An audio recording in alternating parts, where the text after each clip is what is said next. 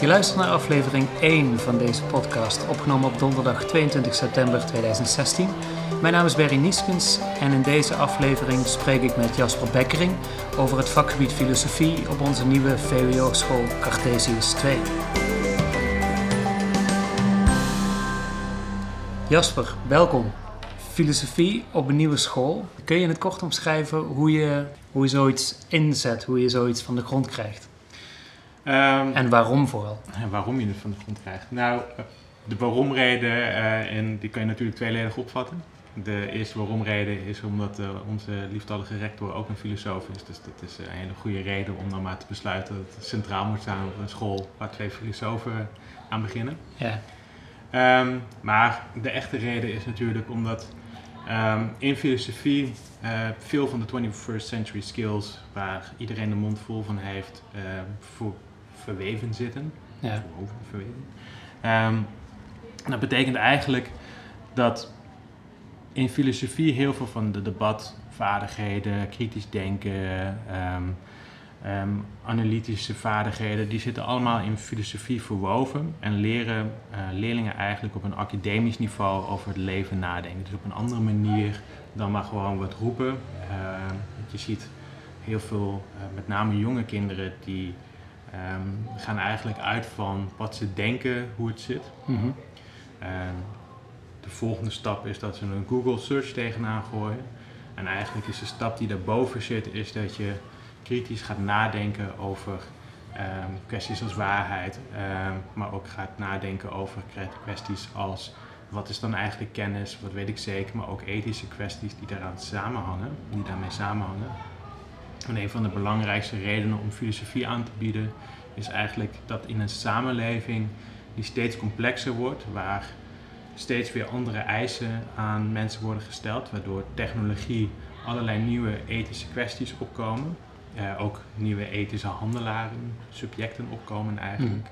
Mm. Um, dat de vraag wordt, oké, okay, hoe hou ik mij als persoon, als burger staande in zo'n maatschappij? Wat wordt er van mij verwacht? Ja, nou zit er in die visie zit al een heleboel verweven met ook de visie die achter het, het informatica-onderwijs uh, geldt. Dus dat is misschien nog interessant om daar straks over verder te gaan.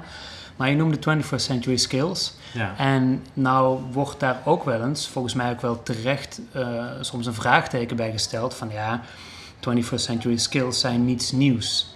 Nee, nee dat klopt. Uh, filosofie zelf is ook niks nieuws. Nee. Het is, uh, is, al een paar duizend jaar oud. En dat laat, het ook, laat ook zien dat die 21st century skills um, ook niet op zichzelf zinvol zijn. Het is niet zinvol om te gaan zeggen: oké okay, jongens, we gaan nu lekker in de kring zitten en gaan lekker even kritisch doen.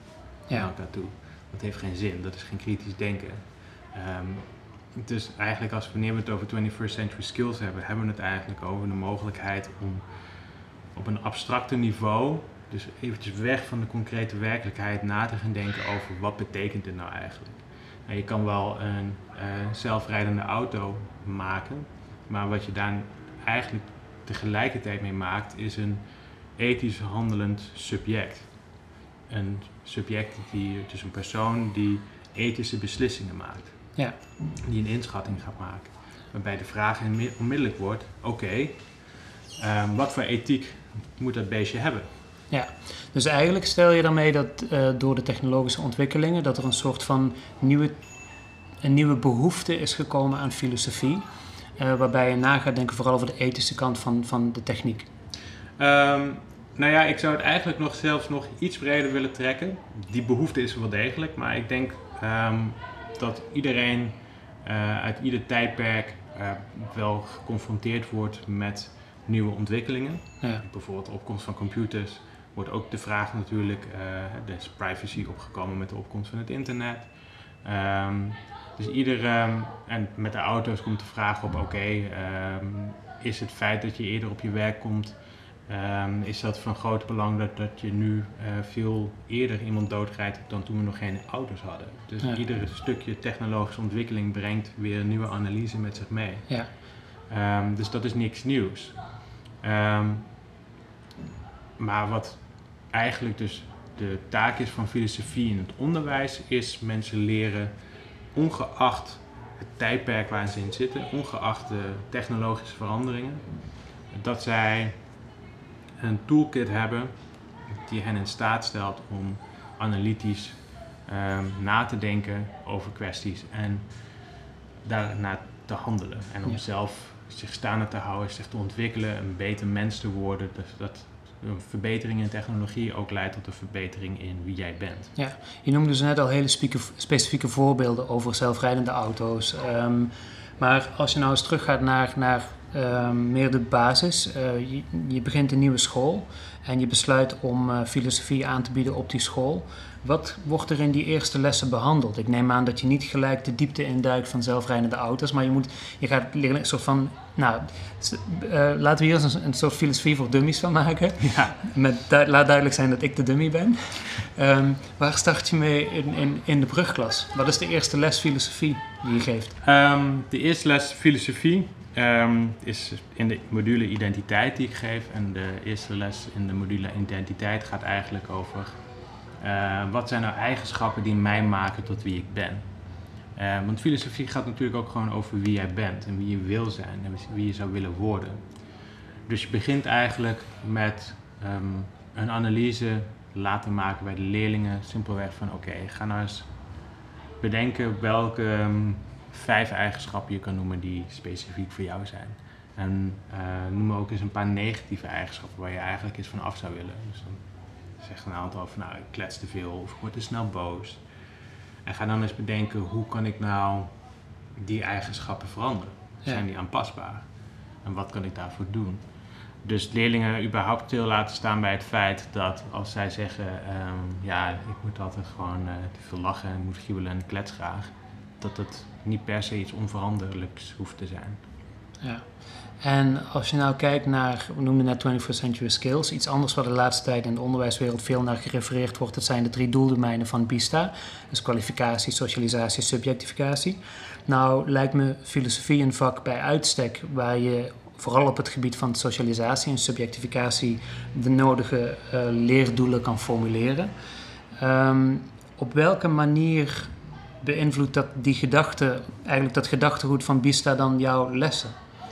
Eh, nou ja, inderdaad wel degelijk ook in de zin dat ik denk dat onderwijs niet alleen maar moet gaan over ehm, hoe leer je iets aan en eh, eh, welke kennis heb je aan het einde, maar ook wat voor persoon wil je eigenlijk zijn.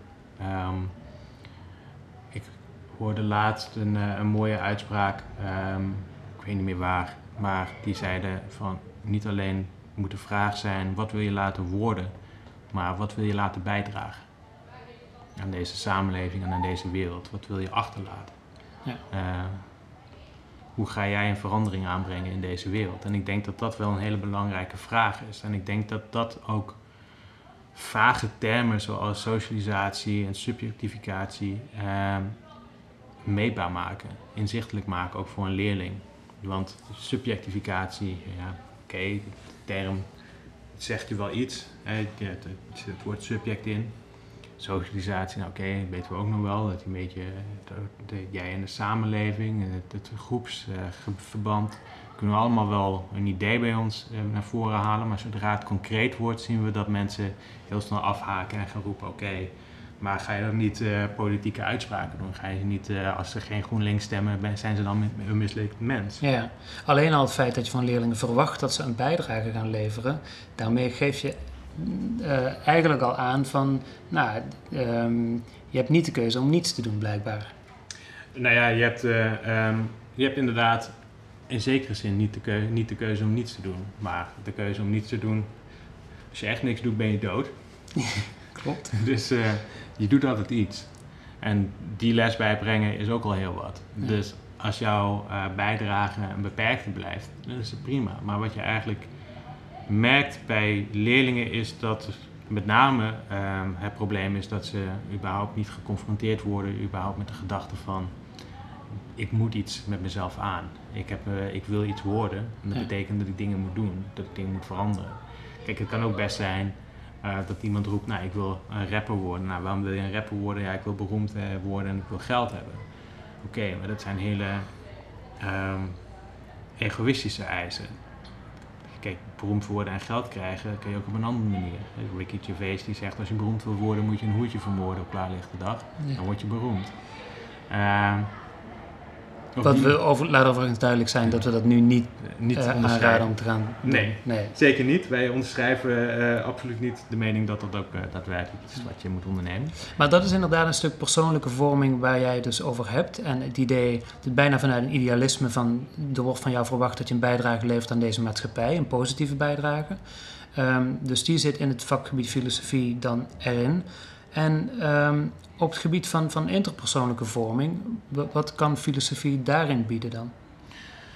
Ehm, nou ja, kijk, dus interpersoonlijke vormen. Kijk, je gaat. ehm, je bent altijd als subject, als iemand die aan zichzelf werkt, ben je natuurlijk ook altijd eh, intersubjectief. Je bent altijd. je bent nooit een persoon op zich. Je bent altijd een persoon in de groep. Ehm, en als jij gaat ehm, kijken naar ehm, hoe handel ik met anderen en is dat eh, iets wat leidt tot wie ik, wil willen, wie ik zou willen zijn? Dus leidt dat tot de toekomst die ik, eh, die ik voor mezelf voor me zie? Dan is me onmiddellijk de vraag: oké, wat kan ik eraan doen om die groep om mij heen te beïnvloeden? En hoe beïnvloedt die groep mij? Ehm, en kan ik die dynamiek die daar ontstaat, kan ik die veranderen? Kan ik die dynamiek ook veranderen die er ontstaat ehm, als ik handel met, eh, niet met een andere persoon, maar met een, ehm, met een device bijvoorbeeld. Ja. Dus die continue interactie tussen technologie, persoon en groep, als je die in ieder geval inzichtelijk maakt voor eh, mensen en vraagt wat is het nou eigenlijk wat je daarmee wil bereiken? Waarom gedragen jullie je zo? Wat is, wat is daar de achtergrond van? Ehm, en hoe je willen dat het gebeurt? Ja. Dus dat is al een hele nieuwe vraag voor hele veel, heel veel van hem. Want vriendschap is eigenlijk over het algemeen niet iets waar veel mensen over nadenken van oké, wat wil ik er dan mee? En wat zegt dat over mij en hoe verandert het mij? Maar het is meer iets dat ze voor lief nemen dat het er is en dat toch fijn vinden als het er is. Ja, nou is dat in, inhoudelijk gezien is dat een heel duidelijk verhaal al. Eh, nou heb jij afgelopen jaar de overstap gemaakt van een, een redelijk traditionele school naar Cartesius 2 ook. Ehm, in de vorige aflevering werd al duidelijk dat hier op deze school wordt gewerkt in, eh, in modules, in dagdelen. We geven geen cijfers, maar we geven beoordelingen voldoende goed en excellent. We geven geen huiswerk op, maar leerlingen maken al het werk hier op school. Ehm, wat betekent het voor jouw vakgebied dat je dus in een niet-traditionele onderwijssetting, zeg maar, daarmee aan de slag gaat? Wat verandert er voor jou dan? Het betekent voor mijn, eh, mijn vakgebied dat het eigenlijk weer wordt wat, het ooit was. Namelijk dat het niet gewoon een aparte discipline was die ergens in een stoffenhoekje eh, gedaan werd. Maar dat het onderdeel was van al die andere disciplines en dat er eigenlijk geen onderscheid was. Kijk, het heeft geen zin om alleen maar bij filosofie over eh, technologie te praten Of filosofen? of, ja, of over filosofen te praten. Ehm, om dat binnen een vakgebied te houden, omdat dat eh, op school een vak wordt genoemd. Als je kunt praten over technologie binnen verschillende modules, vanaf verschillende benaderwijzen ernaar kunt kijken en filosofie echt onderdeel kan maken van de manier van denken überhaupt. En laat zien in welke, op welke momenten een filosofische benadering de juiste is en op welke momenten een wetenschappelijke benadering de juiste is en op welke momenten ehm, een geschiedkundige benadering de Ja. juiste is. Ja. Dan heeft het zin. En eh, didactisch gezien hebben we in het begin nog wel eens overlegd met elkaar van... oké, je hebt een dagdeel van 2,5 uur waarin leerlingen les krijgen. Ehm, hoe vul je zo'n zo'n dagdeel van 2,5 uur in? En wat vraagt dat van jou als docent?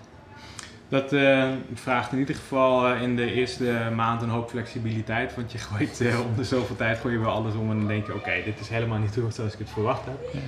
Je bent toch niet aan het experimenteren met kinderen, hè? Ik experimenteer niet met kinderen, ik, ik experimenteer op kinderen. Oké. Nee, ehm, nee, kijk, je merkt af en toe dat de, ehm, de ideeën die je had niet helemaal uitkomen zoals je denkt. Bijvoorbeeld het opknippen van lessen in verschillende onderdelen ehm, kan ervoor zorgen dat als je het niet goed aanpakt, wat uh, niet helemaal perfect gebeurde aan het begin van het jaar, omdat we uh, nog heel erg zoekende waren van oké, hoe werkt dit? Werkt dit nou optimaal, ja of nee? En als je iets wil dat iets optimaal functioneert, dan moet je ook kritisch zijn en zeggen oké, dit is nog niet zoals ik het verwacht had. Want bijvoorbeeld wat er waartoe leidde was lessen waarbij leerlingen continu uit hun werkritme werden gehaald om een nieuwe opdracht uit te leggen. Dus vandaag heb ik dat werkritme aangepast om te kijken hoe werkt het als we ze nou door laten werken en toch in kleinere groepjes die instructie geven. Um, dat, daar zit ook nog een lastige afweging in, een lastige middeling in. Ja. En hoe is het dan nog dat je het feit dat je met twee docenten op een groep staat, verandert dat nog, dat proces van, van evaluatie van je, je onderwijs? Zeker, het verandert in ieder geval um, de evaluatie in dat je in je voorbereiding al anders werkt dan normaal. Want je, um, de opdrachten die jij bedenkt zijn normaal de opdrachten die je bedenkt en die zet je dan in. En nu zit er meteen iemand naast die het anders aanpakt of iemand anders vertelt jouw onderwerp. Dus iemand moet sowieso ook jouw onderwerp kunnen vertellen en die vertelt op een andere manier.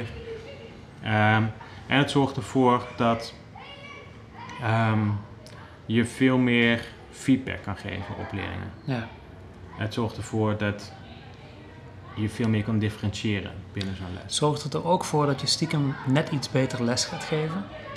Uh, zeker. Het zorgt er in ieder geval voor uh, dat je het niet in je hoofd haalt om onvoorbereid eens een keertje zo'n les binnen te lopen. De tv, de klas binnen te rijden en te zeggen: jongens, vandaag gaan we documentaire kijken. Ja, ik weet het even, ook weer eventjes niet. Wat, wat hadden we ook weer de vorige les gedaan waar we waren gebleven? Nee, ja. zo, uh, er is altijd wel één van de twee docenten die geen zwaar weekend heeft gehad. Ja. Oké. hey, en. Um, het idee van de beoordeling. Hè? We hebben hier dus gezegd van nou, we werken niet met cijfers, maar met uh, um, uh, voldoende, goed of excellent. In feite kun je een onvoldoende niet halen. Dat betekent gewoon dat het nog niet af is. En dan zijn er op het einde van het jaar deficiëntiedagen waarbij je dat in kan halen. Um, maar nou kan ik me voorstellen dat filosofie sowieso een vakgebied is waarbij je geen 8,3's of 7,4'tjes geeft. Um, maar hoe bepaal jij dan wie een voldoende uh, verdient en wie een goed verdient? En wat moet iemand doen om een excellent te krijgen? Um, nou, meestal gaat, um, om een, iets algemener antwoord te geven, um, kijk, meestal gaat het gewoon over de mate waarin jij in staat bent uh, een probleemanalyse te doen. Dus je kan iets analyseren op een redelijk oppervlakkig niveau. Dus dan kun je zien, oké, ethische kwestie, Um, auto's zorgen ervoor dat, dat hier ook ineens uh, automatische auto's, zelfsturende auto's, moeten ethische beslissingen nemen. En ik kan een paar ethische stromingen noemen die erbij horen. Nou, dan ben je voldoende, dan weet je genoeg, dan weet je dat het een probleem is. En dan kan je er een redelijk oppervlakkige analyse op uh, loslaten op basis van de stof die je hebt gehad.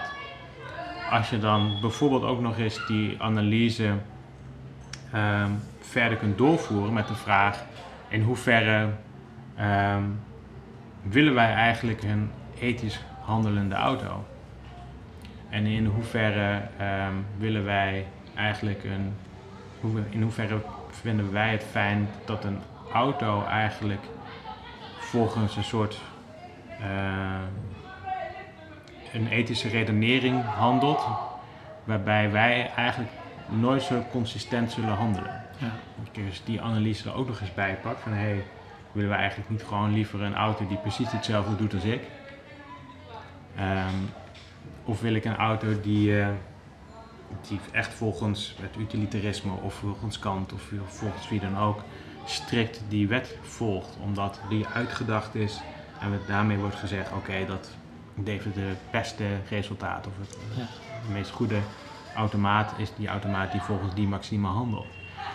Um, dat is een diepgaandere analyse. En als je hem dan ook nog eens breder kan trekken naar andere onderdelen in de maatschappij, dan ben je uh, zo excellent dat je, uh, wat mij betreft, gewoon direct naar de filosofie les Klaar voor het eindexamen. Ja.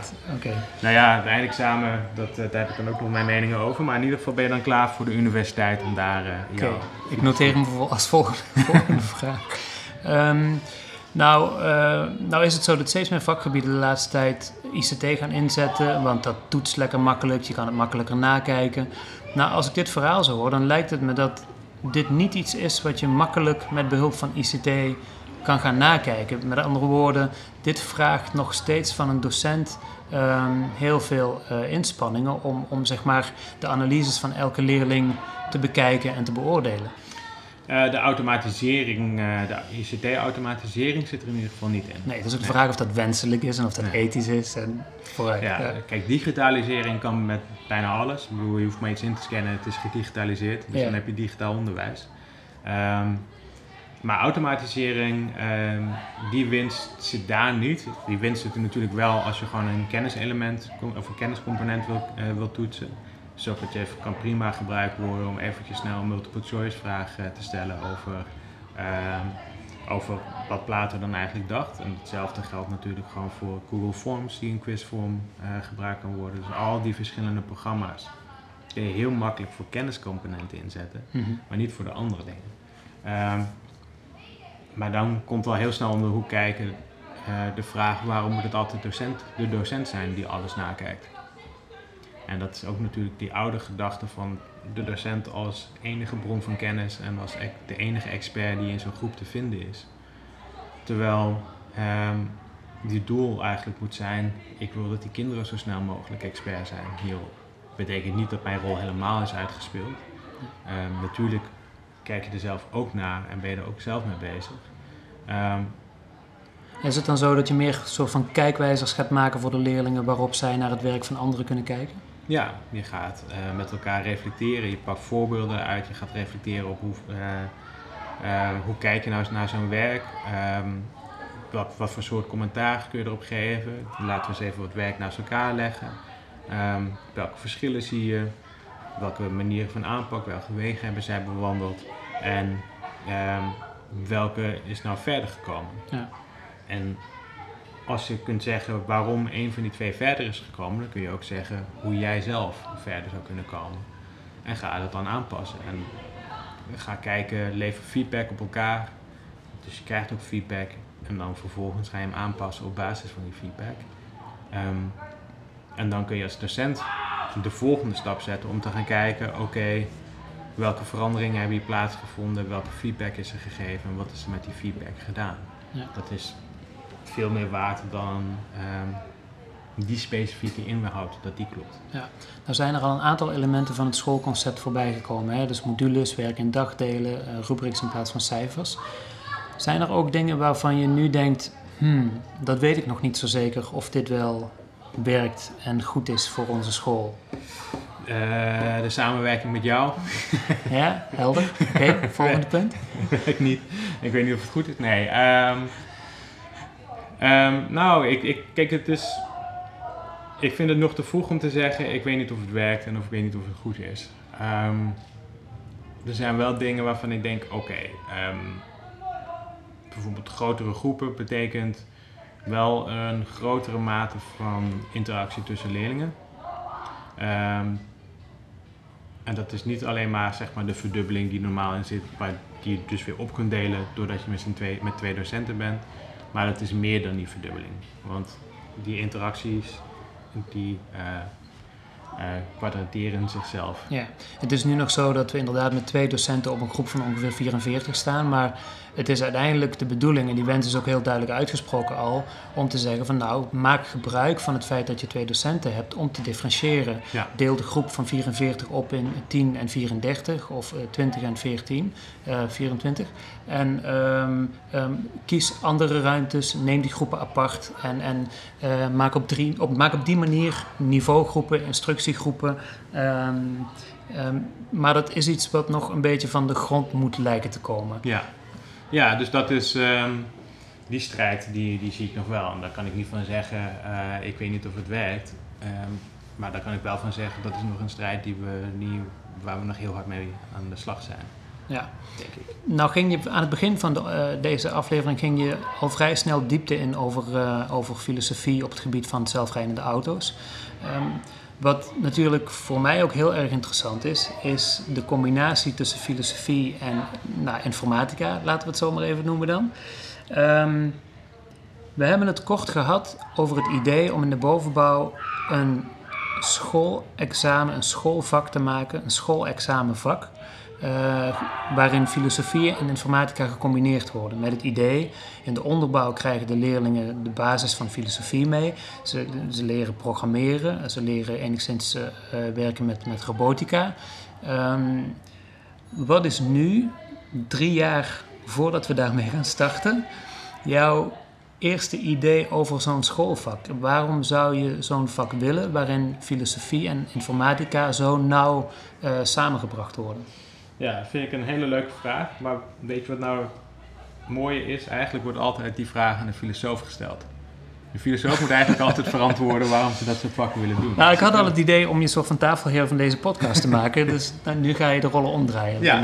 Oké. Dus ik, uh, ik zou eerst wel eens weten, willen weten of jij uh, zelf nog denkt van nou, daar is zeker ook voor mijn vakgebied winst uit. En of ik dat zie zitten, inderdaad. Nou, wat wel een hele grote eye-opener was, was dat we vorig jaar op het Hyperion Lyceum dat vakoverstijgende project hadden op het einde van leerjaar 3, uh, eh, kunstmatige intelligentie. Waarbij leerlingen duidelijk werd gemaakt dat je inderdaad, uh, wanneer jij kan programmeren en wanneer jij een intelligent systeem wil gaan maken, of in ieder geval voor zover het mogelijk is een intelligent systeem wil programmeren, dat je dan al vrij snel tegen ethische kwesties aanloopt. Um, de hele bekende theorie daarover is, een, is de zandbaktheorie. Zo van als je van tevoren de kader schetst waarin een intelligent systeem zich mag bewegen, um, dan hoef je ook niet druk te maken over het feit dat uh, dat systeem de wereld gaat overnemen en alle mensen aan een boom uh, hangt. Um, dus dat was een beetje al een eerste trigger van oké, dit is een hele interessante combinatie. Want zoals je ze straks ook al aangaf, bij elk ding dat je programmeert en bij elk, bij elk programma dat je schrijft, dat, en we, we neigen een beetje naar, naar dat programma menselijke eigenschappen geven. Dat betekent dus ook dat dat programma beslissingen moet maken die normaal voorbehouden zijn aan mensen, waarvan de hersenen heel anders in elkaar zitten dan een computer. Um, dus je ziet een beetje dat nu de, de, de iPhones en de, en de tablets en dergelijke allemaal een beetje doorontwikkeld zijn. Dat het volgende slagveld zijn nu de, de bots, de messengers. Je merkt dat alle bedrijven op dat gebied nu aan het ontwikkelen zijn. Um, kunstmatige intelligentie is nog lang niet zo ver als we graag zouden willen. Kijk naar een, een digitale assistent die kan vragen van je beantwoorden. Um, maar echt hele ingewikkelde vragen beantwoorden, dat, dat staat ook nog maar aan het begin. Um, dus die, die hele vraag van oké, je kan iets maken met een computer, je kan iets programmeren, maar um, moet je dat ook daadwerkelijk doen?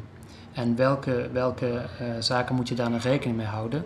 Dat is vooral wat mij intrigeerde en ook het idee gaf van ja, dit zijn twee vakgebieden die wel inderdaad um, um, een, een toekomst samen hebben, zeg maar. Ja, ook met uh, de gedachte van, met name dus in het geval van deep learning, dat je de algoritmes geeft volgens welke informatie verwerkt gaat worden, maar niet uitkomsten geeft. Uh, waarbij natuurlijk ook gewoon onmiddellijk de mooie vraag gaat worden, bijvoorbeeld uh, met de, de quants in bijvoorbeeld financiële markten, met die ontzettend snelle handelingen die door computerservers ergens in een groot park worden gedaan, waar ooit een algoritme, de algoritmes op zijn gezet, waar de bronnen waar ze zoeken zijn opgezet, maar waar voor de rest niemand ingrijpt en de computer zelf op basis van de algoritmes zichzelf ontwikkelt. Dus ook dat niemand nog een idee heeft van hoe het programma nou eigenlijk heeft tot besluiten gaat komen, nu, in, nu en in de toekomst. Dat van het verleden wel wist. Dus ze weten een beginsituatie, ze weten een algoritme. Maar ze weten niet de huidige situatie. Dat je de vraag uh, moet gaan stellen: oké, wie is er uiteindelijk verantwoordelijk als het misgaat? Ja, nou ja, dat zijn dus. Uh, dat is al één ding dat in, in zo'n vak uh, behandeld kan worden. Maar goed, we hebben nog drie jaar de tijd om dat helemaal, om dat helemaal uit te gaan dokteren hoe we dat graag zouden willen. Eén ehm, ding wat ik, wat ik denk ik elke uitzending wel wil vragen aan gasten is. Uh, wat jouw onderwijsmoment was. Je mag één moment kiezen uit het verleden dat te maken heeft met onderwijs. Laten we zeggen, normaal gezien vraag je iemand van uh, wat is het mooiste moment uit je leven? Dat is altijd je trouwdag of de geboorte van je kind natuurlijk. maar los daarvan, Wat was jouw onderwijsmoment? En dat mag zo ver teruggaan als je zelf wil. Positief. Ik weet, dat jij een heel, ik, ik weet dat jij een heleboel negatieve onderwijsmomenten hebt meegemaakt. Nog steeds Ja. misschien. Maar eh, een positieve. Een positieve. Ehm, nee, er zijn eh, ontzettend veel hele eh, positieve momenten. Wat, eh, waar het heel lastig maakt om, ehm, om er eentje van uit te kiezen. Maar ik denk dat ehm, ook betreft, wat betreft mijn ideeën over onderwijs en hoe ik als docent voor de groep sta, heeft het eigenlijk altijd te maken, eh, heeft, bij onderwijsmomenten eigenlijk altijd te maken met ehm, leerlingen die ehm, van heel ver moesten komen.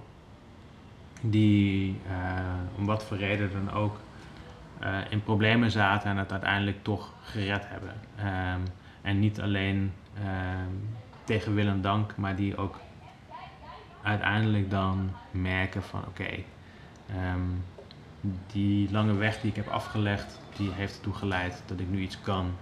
Eh, en dat ze er ook vrolijker door zijn geworden. Dus het niet alleen dat ze uiteindelijk dat papiertje in hun hand hebben, dat is natuurlijk ook belangrijk, maar is niet waar het om gaat. Het gaat er uiteindelijk om dat zij ook een enigszins eh, fatsoenlijk en gelukkig leven kunnen leiden. En daar zijn wel een paar gevallen van geweest waar ik heel blij mee ben dat die eh, daar uiteindelijk zijn gekomen. En Ja. dat die nu in een stuk betere plek zijn gekomen, ook doordat ze op school zaten.